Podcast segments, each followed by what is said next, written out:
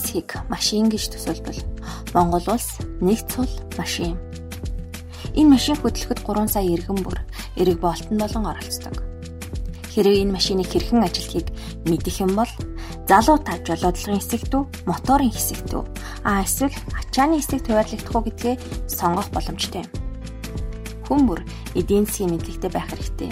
А гэхдээ судлаач байх албагүй. Мянган асуултууд контентын маань сонирхолтой эдийн засаг подкастын шинэхэн дугаар танд хүрэхэд бэлэн болоод байна. Зөвлөх Хөдөө аж ахуйн их сургуулийн эдийн засгийн сургуулийн менежментийн тэнхимийн эрхлэгч профессор Мегмарсран.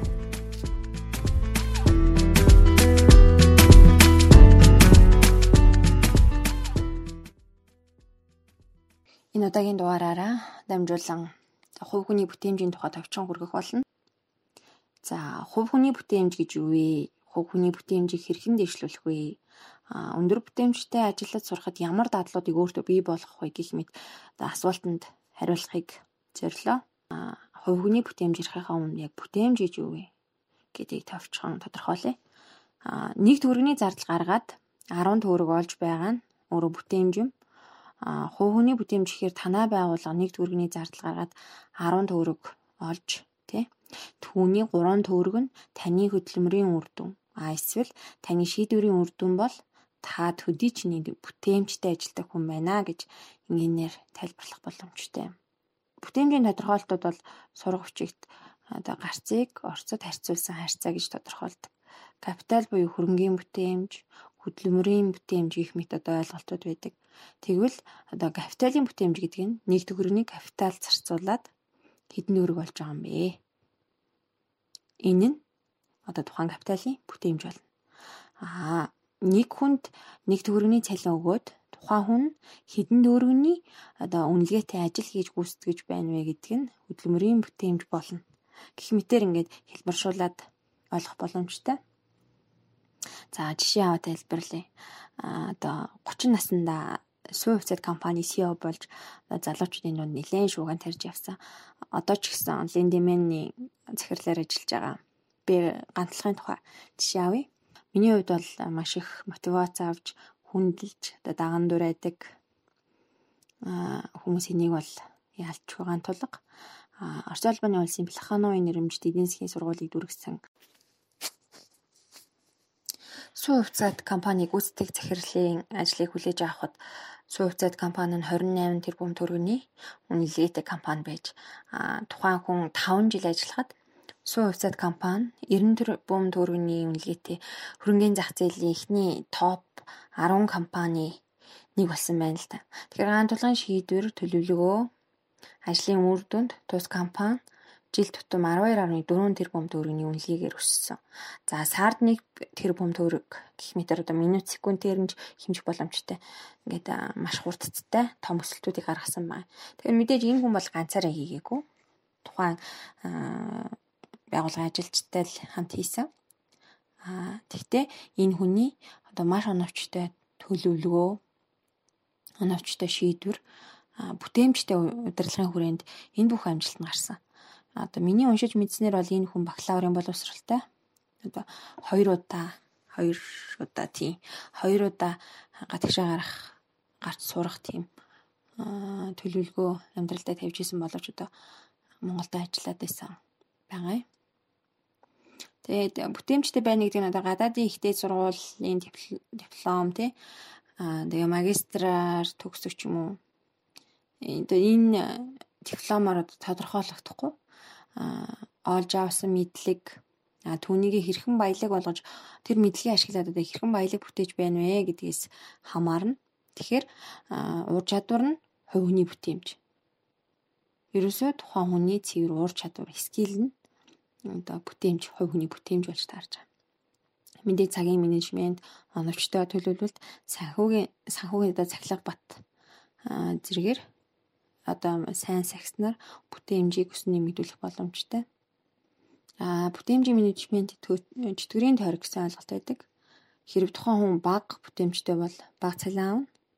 Бага хуримтлал үүсэн одоо өөртөө бага хөрөнгө оруулалт хийнэ. Тэгэхээр бага хөрөнгөтэй байна. За ингээд эргэлдээд энэ тойрогоос гарч чадахгүй тойроод л байна. А үнэхээр энэ тойргоос гарахыг хүсвэл юун түрүүнд өөрийн сул талыг тодорхойлно. За тэгэхээр одоо тойргоос хэрхэн гарах вэ? Яаж бүтээмжээ нэмэх вэ? Яаж одоо орлогоо өсгөх вэ? Тэгээ одоо юунаас эхлэх юм гэх мэт одоо асуултууд гарч ирж магадгүй. Тэгэхээр хамгийн эхлээд зорилгоо тодорхойлох одоо тий өөрөө карьерийг төлөвлөх хэрэгтэй. Одоо хүн хүрэх газраа тодорхой болгочих юм бол хэн бодлохоо тодорхойлж чадна. Аа тэгээд зоригтой байна гэдэг чинь өөрөө хаашаа явах вэ гэдгийг ер нь зүгчгээд баримжаа авчичаа. Хаашаа өргөн мэддэхгүй тий өөртөө ямар нэгэн зориг тодорхойлт тавиагүйгээр одоо хаашаа хамаахгүй ингээд самрахчаад байгаа одоо ингээд төөрөөл ийш тишээ гүгээд байгаагаар л хүнтэй ижилхэн байх болов. Тэгэхээр одоо байгаа нөхцөл байдлыг үнэлэх хэрэгтэй. Яг одоо би одоо яг ямар байна вэ? Яг ямар байдалтай байгаад байна гэдгийг тодорхойлно. За дараа нь одоо өөрийнхөө сул хэсгийг тодорхойлоод бүтээмжээ дээшлүүлэх төлөвлөгөө боловсруулах хэрэгтэй. Одоо өрсөлдөөнд ороод давуу тал болж авахын тулд ямар скил ур чадварууд эзэмших хэрэгтэй байгаа байна вэ те? Илүү сайн бүтээмж гаргаж илүү өндөр цалинтай ажил хийж одоо магадгүй өөрийн гэсэн хувийн компани байгуулъя. Илүү баялаг бүтээе гэхээр танд одоо яг дутагдаад байгаа ур чадварууд нь юу юм бэ гэдгийг тодорхойлоод за тэрэндээ зорилго тавина. Одоо ингэж ингэж ийм үе шаттайгаар хэрэгжүүлъя гэж төлөвлөгөөгөө боловсруулад цаг хугацаагаа тодорхойлоод тэгээд одоо өөртөө хөрөнгө оруулах тэр мөнгө санхүүгээ санхүүгийнхаа төлөвлөгөө гаргах хэрэгтэй. За тэгээ хэрэгжүүлнэ. За мэдээж хэрэгжүүлэхсэн бол одоо түүнийг дүгнээд одоо хэр хугацаанд зориг тавьсан тэрэндээ хүрж үү хэр их одоо амжилттай явж ийн гэдгийг өөрөө байнга дүгнжих хэрэгтэй. За ажлын заруудыг ингээд харж явах зарим нэг зар нь 2-оос 3 сар зарлагдчихийдэг. Ерөнхийдөө өндөр цалинтай удирдах албан тушаалтнуудын зарууд бол ихэнхдээ ийм байгаад байдаг. Тэгэхээр нөгөө бүтээмжтэй мэрэгжилтэн буюу чадвартай боловсон хүчний хомсдол одоо аль хэдийн үүсчихсэн байгаа. Борлогддог. Тэгээ мөнгө олгож болдог. Одоо тийм уур чадвар л ерөөсөө залуучуудад одоо маш их хэрэгтэй.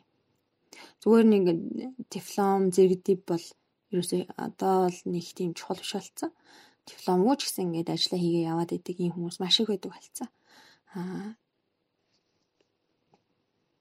одоо танд өөрт чинь ямар нэгэн уур чадвар байгаад түүгээрээ та мөнгө хөрөнгө босгож чадахгүй бол энэ зүгээр л нөгөө сонирхол хобби таны зүгээр нөгөө өөрийнхөө өөрийгөө илүү хөгжилтэй байх үднээс л хийж байгаа тийм зүйл болно.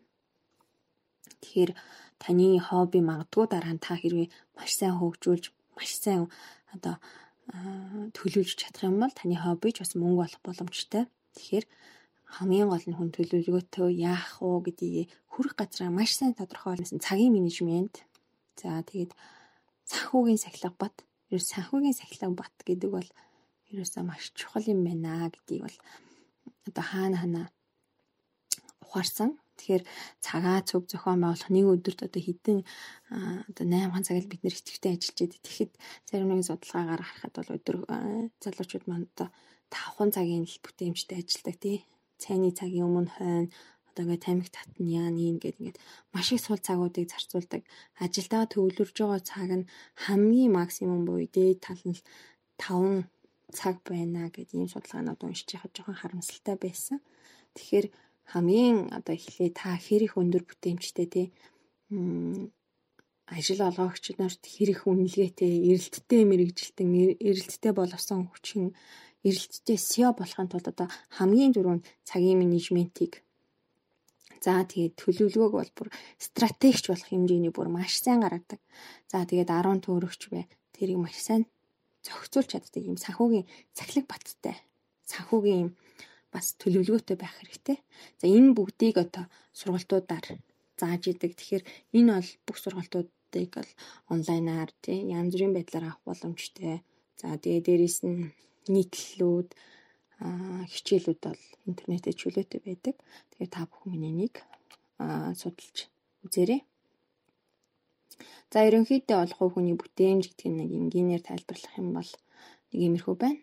За сонирхолтой эдийн засаг подкастын маань гол зорилго нь эдийн засгийн менежментийн шинжлэх ухааны судлах туунуудыг одоо маш энгийнээр тайлбарлан хүргэх явдал юм. За тэгэхээр бидэнд урам өгөхийг хүсвэл YouTube channel дээр маань subscribe хийж дагаарай. За ингээд мянган асуултууд контентын сонирхолтой эдийн засаг